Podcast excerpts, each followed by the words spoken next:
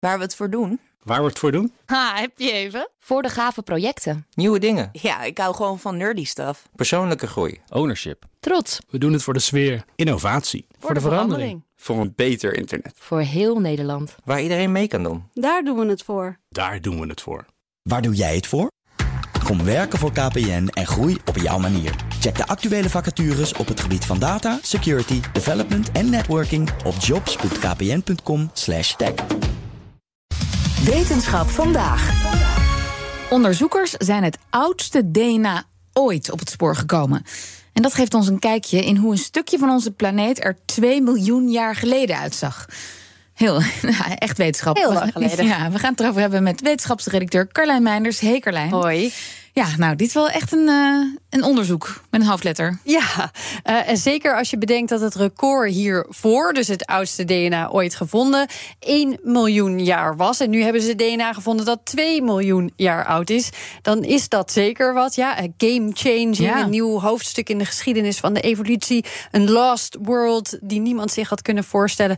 Dat is sinds eh, gisteravond overal zo'n beetje terug te lezen. En hoe hebben ze zo ver terug kunnen zoeken? Hoe hebben ze dit gevonden? Ja, dit eh, Is gevonden in een sample uit een dikke laag bevroren modder en zand uit de Kap Keuberhavenformatie van Noord-Groenland. Oké. Eh, monsters daarvan zijn in 2006 al genomen voor ander onderzoek destijds.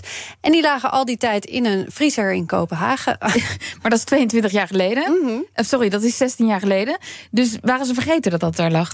Nee, eh, wat ze sindsdien eigenlijk hebben gedaan, is elke keer als de techniek beter werd, opnieuw naar die monsters kijken. Ze hadden eh, zo al zo'n 16 miljard stukjes DNA bestudeerd. Maar vaak ging het dan om, als ze iets om moderne micro-organismen die per ongeluk in of op die samples terecht waren gekomen.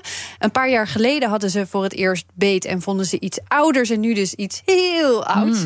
Eh, zoals ik al zei, hiervoor het oudste DNA was een miljoen jaar oud. Dat kwam uit een mammoetbot uit Siberië. Dat was vorig jaar groot in het nieuws. Eh, die onderzoekers van dat onderzoek hadden toen ook al het vermoeden dat met het juiste sample nog verder terug technisch gezien mogelijk moest zijn. Nou, dat klopt dus.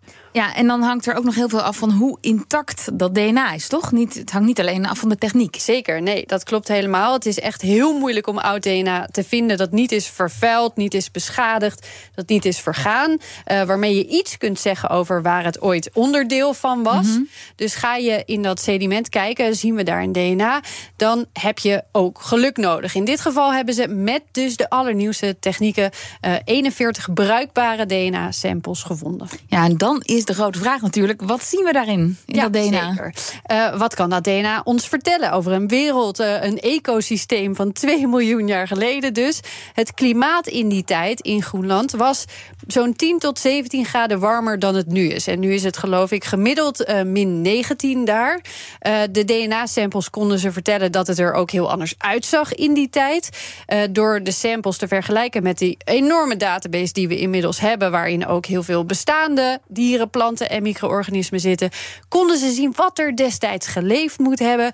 Er liepen rendieren rond, waarvan absoluut niet werd gedacht dat ze daar in die tijd konden leven. Ze vonden sporen van knaagdieren, ganzen. Er moeten berken hebben gestaan, coniferen, populeren. Het was er erg groen en vol leven. En er liep een dier rond waarvan werd gedacht dat het nooit verder dan Centraal- en Noord-Amerika moet hebben geleefd. Eentje waar iedereen ook ontzettend verbaasd over is.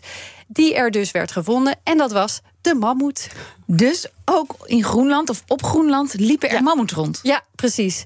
En eh, voor alle samples waarvan er nu nog een ver familielid rondloopt, in dit geval bijvoorbeeld de olifant, maar ook eh, geldt ook voor die rendieren en die andere dieren die er leefden, geeft dat oeroude DNA een heel bijzonder kijkje in de evolutie van deze soorten.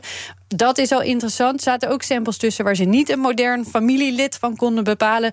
Dat zou dus ook nog kunnen gaan om soorten die we nog helemaal niet kennen. En u zei al, de temperaturen waren toen hoger. Ehm, ja, lijkt me ook nog interessant voor klimaatonderzoekers. Ja, eh, zeker. Eh, want het laat ook zien wat voor ecosysteem zou Groenland kunnen hebben als het er bijvoorbeeld een flink stuk warmer zou zijn. Ze hebben ook eh, restanten van bacteriën en schimmels gevonden tussen al die DNA-stukjes. En nu willen ze ook nog gaan kijken hoe al die dieren, planten en micro-organismen dan samen dat ecosysteem vormen. Want hoe hebben ze nou overleefd bij temperaturen die heel erg veranderlijk waren. Hoe gingen ze om met opwarming? Kunnen we misschien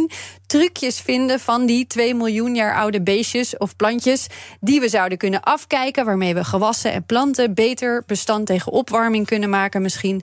En wat ze nu ook denken is, als dit ons lukt in deze modder en klei, kunnen we dit dan misschien ook met klei uit Afrika voor elkaar krijgen en daarmee wat zeggen over uitgestorven diersoorten daar of zelfs iets over onze hele verre voorouders. Ja, want hoe oud is het oudste menselijke DNA dat ooit is gevonden? Ja, dan zit je in de honderden, duizenden jaren, maar zeker niet in de miljoenen. Dus daar zit nog wel wat ruimte. Want de oudste mensachtige voorouder die we kennen is, geloof ik, 2, 2,5 miljoen jaar oud. Dus Ja. daar kunnen we nog wel een stukje verder terug. Zeker.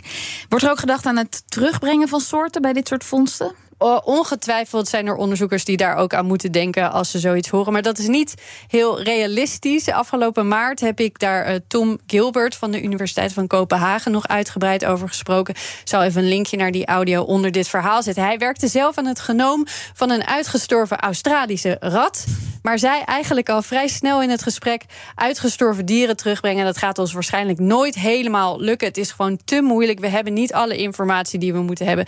Neem een mammoet. Je krijgt hoogstens een harige olifant die goed tegen de kou kan.